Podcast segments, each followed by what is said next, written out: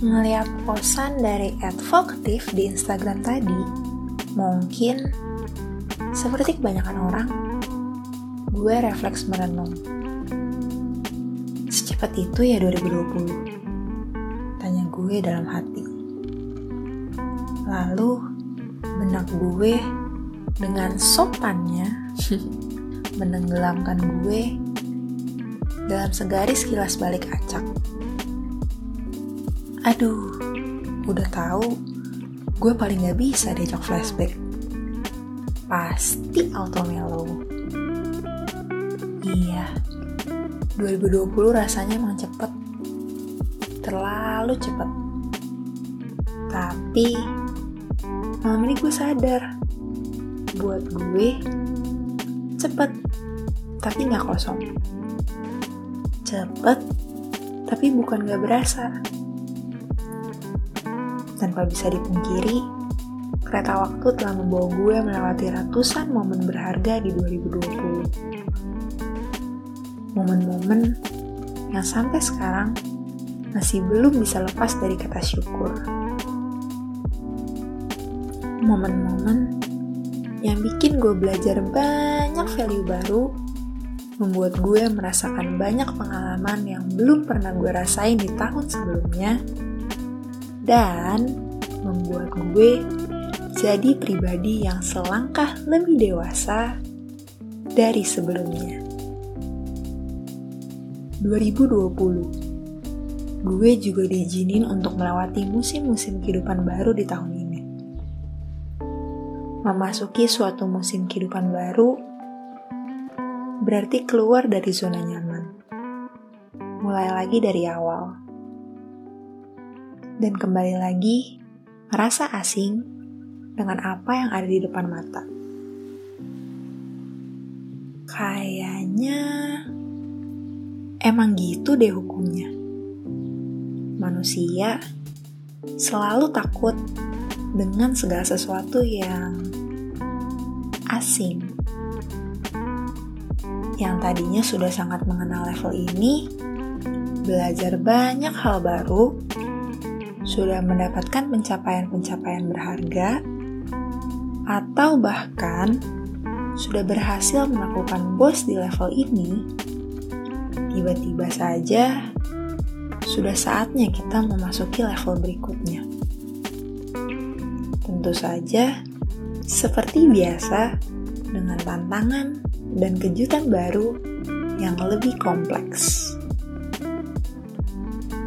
Tante gue pernah bilang, kalau kita gak akan pernah bertumbuh dalam zona nyaman.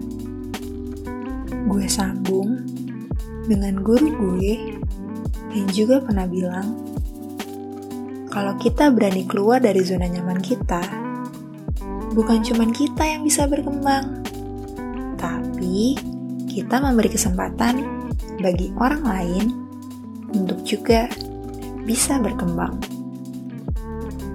Gue masih ingat hari-hari di mana gue belum siap buat melepas masa putih abu-abu gue. Dan dua kalimat tadilah yang membantu gue melangkah dengan mantap. Gue gak mau melangkah dengan terpaksa, apalagi diiringi penyesalan-penyesalan untuk hal-hal yang sengaja tidak mau gue selesaikan.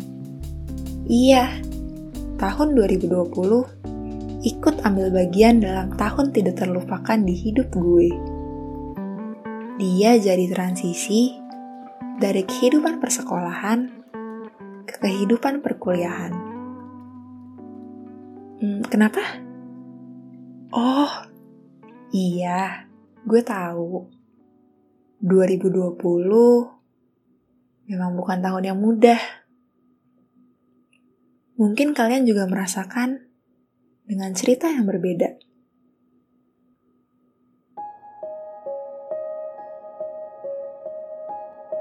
Di bawah naik, di bawah turun, sebentar-sebentar diombang-ambingkan dalam rasa syukur dan bahagia. Nggak lama, diaduk-aduk dalam kalutnya seduh. Shoo. air mata berjatuhan. Sungguh, memang tahun yang penuh kejutan. Pernah jadi rapuh, pernah juga merasa jadi yang paling kuat. Kadang malah lucu. Suka lupa kalau hati ini juga sedang rapuh, tapi sibuk mengukir senyuman di wajah orang lain. Nggak apa-apa, berarti lo nggak egois. Percayalah, ketika lo mengulurkan tangan dan jadi bagian dari senyum orang lain, lo nggak akan pernah merugi.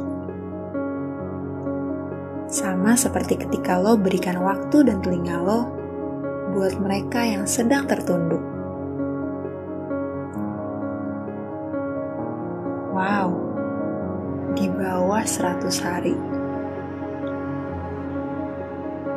Hmm, apa pun keadaan lo sekarang, bertahan sampai di titik ini, lo keren. Mungkin ada beberapa dari kalian yang merasa sudah lelah dengan yang namanya berjuang di tahun ini. Di sisi lain, seberapa banyak dari kalian yang merasa belum berjuang? Ada seberapa banyak yang mau berjuang tapi harus mengalah dengan keadaan? Dan seberapa banyak mimpi yang harus ditunda atau bahkan dilepas karena keadaan dan kenyataan yang gak sesuai sama ekspektasi. Mungkin ada dari kalian yang sadar kalau sudah saatnya untuk melangkah. Tapi entah kenapa seberapa keras lo mencoba untuk melangkah, lo gak bisa. Lagi-lagi, lo malah jatuh untuk hal yang sama. Padahal, sudah terlalu lelah berputar-putar di tempat yang sama. Mungkin bukannya nggak bisa melangkah, tapi pertama-tama lo belum berdamai dengan keadaan. Hati lo masih belum bisa untuk menerima kenyataan yang terjadi di luar ekspektasi. Nggak apa-apa, wajar kok. Kenyataan yang terjadi memang gak selalu sesuai dengan harapan kita.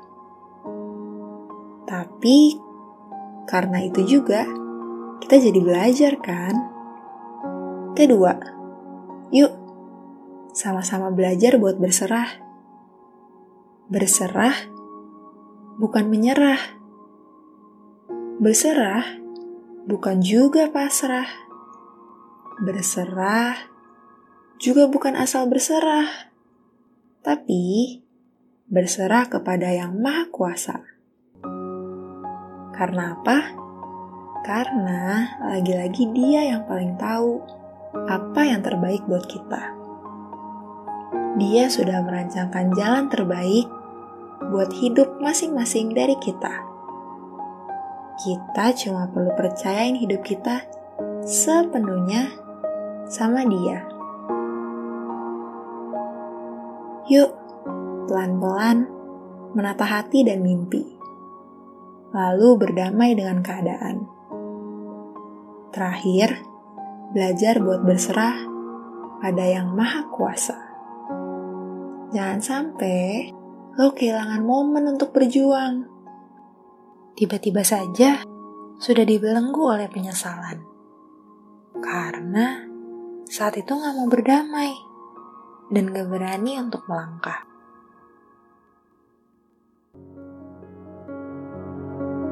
Yuk, di bawah 100 hari bukan berarti lo gak punya kesempatan.